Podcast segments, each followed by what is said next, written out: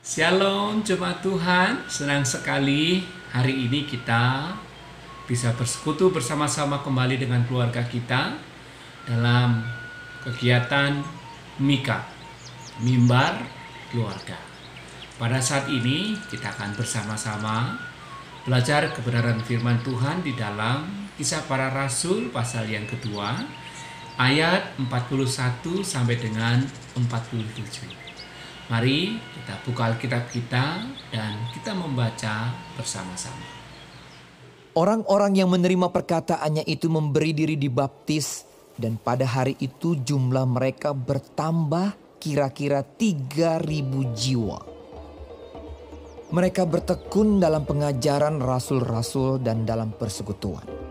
Dan mereka selalu berkumpul untuk memecahkan roti dan berdoa. Maka ketakutanlah mereka semua, sedang rasul-rasul itu mengadakan banyak mujizat dan tanda. Dan semua orang yang telah menjadi percaya tetap bersatu. Dan segala kepunyaan mereka adalah kepunyaan bersama. Dan selalu ada dari mereka yang menjual harta miliknya, lalu membagi-bagikannya kepada semua orang sesuai dengan keperluan masing-masing. Dengan bertekun dan dengan sehati mereka berkumpul tiap-tiap hari dalam bait Allah. Mereka memecahkan roti di rumah masing-masing secara bergilir dan makan bersama-sama dengan gembira dan dengan tulus hati sambil memuji Allah dan mereka disukai semua orang.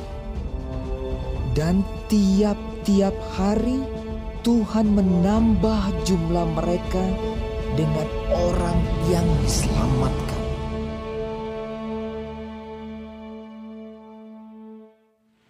Jika memperhatikan konteks kisah para rasul pasal 2, maka kita bisa menemukan lokasi di mana peristiwa ini terjadi. Jemaat mula-mula yang tertulis di dalam kisah para rasul pasal 2 ini tinggal di Yerusalem, sebuah kota yang sangat penting, sebuah kota yang sangat modern masa itu dan menjadi pusat kerohanian. Dan Yerusalem pula kita bisa menemukan yang namanya Bait Allah. Di mana Tuhan Yesus salah satu kisahnya kita bisa menemukan yaitu Yesus menyucikan bait Allah. Saudara-saudara sekalian yang dikasih oleh Tuhan, ketika kita memperhatikan teks firman Tuhan hari ini, dengan mudah kita menyimpulkan bahwa kehidupan jemaat mula-mula adalah suatu kehidupan yang sangat ideal. Adalah suatu kehidupan yang patut dicontoh. Adalah suatu kehidupan yang sangat-sangat perlu diteladani oleh setiap gereja Tuhan di mana pun dan kapan pun berada. Mengapa demikian? Sebab jemaat mula-mula mempertunjukkan suatu kehidupan yang sama sekali berbeda dengan kehidupan yang umum atau wajar pada waktu itu. Di mana sejak mereka percaya kepada Yesus Kristus, Sejak mereka menerima Yesus Kristus sebagai Tuhan dan Juru Selamat pribadinya, mereka menjalani kehidupan yang sama sekali berbeda dengan kehidupan orang-orang atau masyarakat rohani pada waktu itu. Orang-orang yang telah menerima Yesus Kristus sebagai Tuhan dan Juru Selamat mempertunjukkan suatu kehidupan baru suatu pola hidup yang baru, suatu jalan hidup yang baru. Misalkan saja kita bisa melihat di ayat 44 sampai dengan ayat yang ke-46. Di ayat 44 sampai dengan 45, kita bisa menyimpulkan satu ciri khas atau kehidupan yang unik yang dipertunjukkan oleh jemaat mula-mula, yaitu mereka bersatu di dalam kasih. Di ayat 44 firman Tuhan berkata, mereka tetap bersatu. Kata mereka di sini adalah mengacu kepada orang-orang yang telah menerima Yesus Kristus sebagai Tuhan dan Juru Selamat pribadinya dari berbagai macam tempat pada waktu itu dan yang telah dibaptis, mereka tetap bersatu. Kata bersatu di sini memiliki makna mereka tetap mengikatkan diri mereka satu dengan yang lain dengan satu dasar atau satu pengikat utama yaitu keyakinan atau kepercayaan yang sama yaitu kepada Yesus Kristus yang adalah Tuhan dan juru selamat. Keyakinan iman atau kepercayaan bahwa Yesus Kristus adalah Tuhan dan juru selamat itulah yang membuat mereka meskipun dari berbagai macam tempat, meskipun dari berbagai macam suku yang berbeda-beda, mereka tetap terikat satu dengan yang lain. Nah, di sana saudara-saudara, di ayat 44 sampai dengan 45 disebutkan bahwa kebersatuan itu memberi dampak yang lain, yaitu segala kepunyaan mereka adalah kepunyaan bersama. Oleh karena mereka menempatkan hidup di atas keyakinan iman yang sama. Oleh karena mereka menempatkan hidup atau mengikatkan hidup di dalam kepercayaan yang sama, yaitu kepercaya kepada Yesus Kristus yang adalah Tuhan dan Juru Selamat itu, maka mereka mempertunjukkan gaya hidup yang sama sekali baru. Misalkan saja, segala kepunyaan mereka, yaitu semua hal atau kekayaan yang telah mereka peroleh selama ini, ini mengacu terutama kepada orang-orang atau orang percaya di Yerusalem mereka firman Tuhan berkata dengan inisiatif sendiri, secara aktif tanpa ada paksaan, menjual harta miliknya dan membagi-bagikan kepada orang-orang percaya lainnya. Bahkan firman Tuhan melanjutkan dengan kalimat selalu ada dari mereka atas inisiatif sendiri secara aktif bertindak tanpa ada paksaan menjual harta miliknya dan membagikan kepada orang lain sesuai keperluan atau kebutuhannya masing-masing.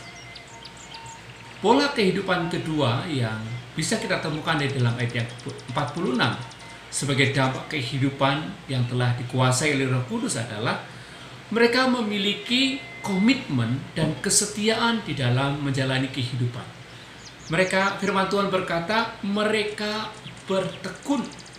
Kata bertekun di sini memiliki nuansa suatu tindakan yang dilakukan secara sengaja, secara terus-menerus melakukannya dengan penuh perjuangan dan penuh komitmen untuk apa? Untuk berkumpul bersekutu tiap-tiap hari di baik Allah. Mereka juga bukan hanya bertekun penuh komitmen akan hal itu, tapi mereka juga sehati. Kata sehati di sini memiliki makna mereka memiliki passion yang sama. Mereka memiliki beban yang sama, mereka memiliki panggilan yang sama yang mengacu kepada ayat 44a yaitu keyakinan iman yang mereka miliki yaitu Yesus Kristus adalah Tuhan dan juru selamat. Mereka bukan hanya bertekun dan bukan hanya sehati, namun mereka juga memiliki praktek hidup yang sama sekali berbeda dengan kehidupan masyarakat pada waktu itu. Yaitu mereka bukan hanya membagi-bagikan apa yang mereka miliki kepada saudara-saudara yang lain, tapi di ayat 46 mereka memecahkan roti di rumah masing-masing secara bergiliran dan makan bersama-sama dengan hati yang riang gembira dan dengan hati yang tulus hati. Seperti pasir tanpa ada kerikil digambarkan di sana.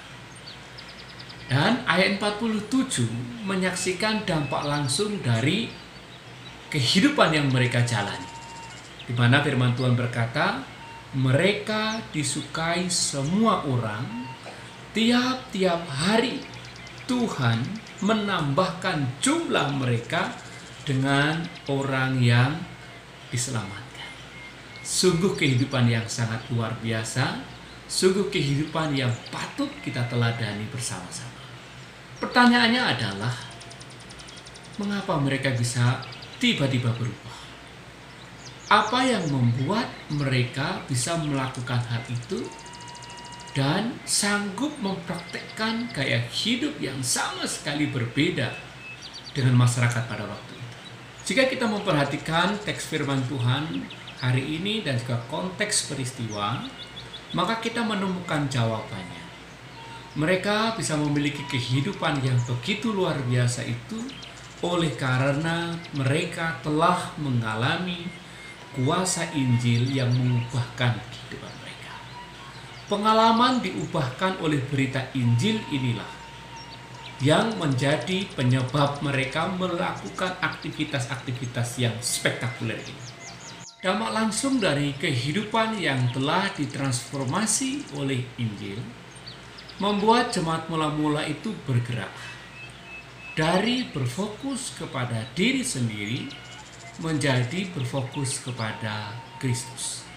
Mereka tidak lagi berbicara tentang aku, tetapi berbicara tentang kita, yaitu tentang siapa kita di dalam Kristus dan menerima setiap orang percaya itu sebagai saudara seiman atau sebagai keluarga rohani dalam 1 Korintus pasal 12 disebutkan sebagai satu tubuh di dalam Kristus. Ayat 41 sampai dengan ayat 47 ini merupakan manifestasi nyata dari kehidupan yang telah ditransformasi oleh Injil sekaligus menjadi bahan perenungan bagi kita semua. Apakah setiap kita yang mengaku Apakah setiap kita yang telah mengaku percaya kepada Kristus? Apakah setiap kita yang mengaku sebagai murid Yesus? Apakah setiap kita yang sudah mengaku telah menerima Yesus Kristus sebagai Tuhan dan Juru Selamat pribadi? Apakah setiap kita yang telah mengaku beroleh perubahan hidup oleh karena berita Injil telah mempraktekkan atau telah memanifestasikan iman ke dalam perbuatan secara nyata. Apa saja manifestasi daripada hidup yang telah diubahkan oleh berita Injil? Yang pertama di ayat yang ke-42, yaitu mereka bertekun di dalam pengajaran.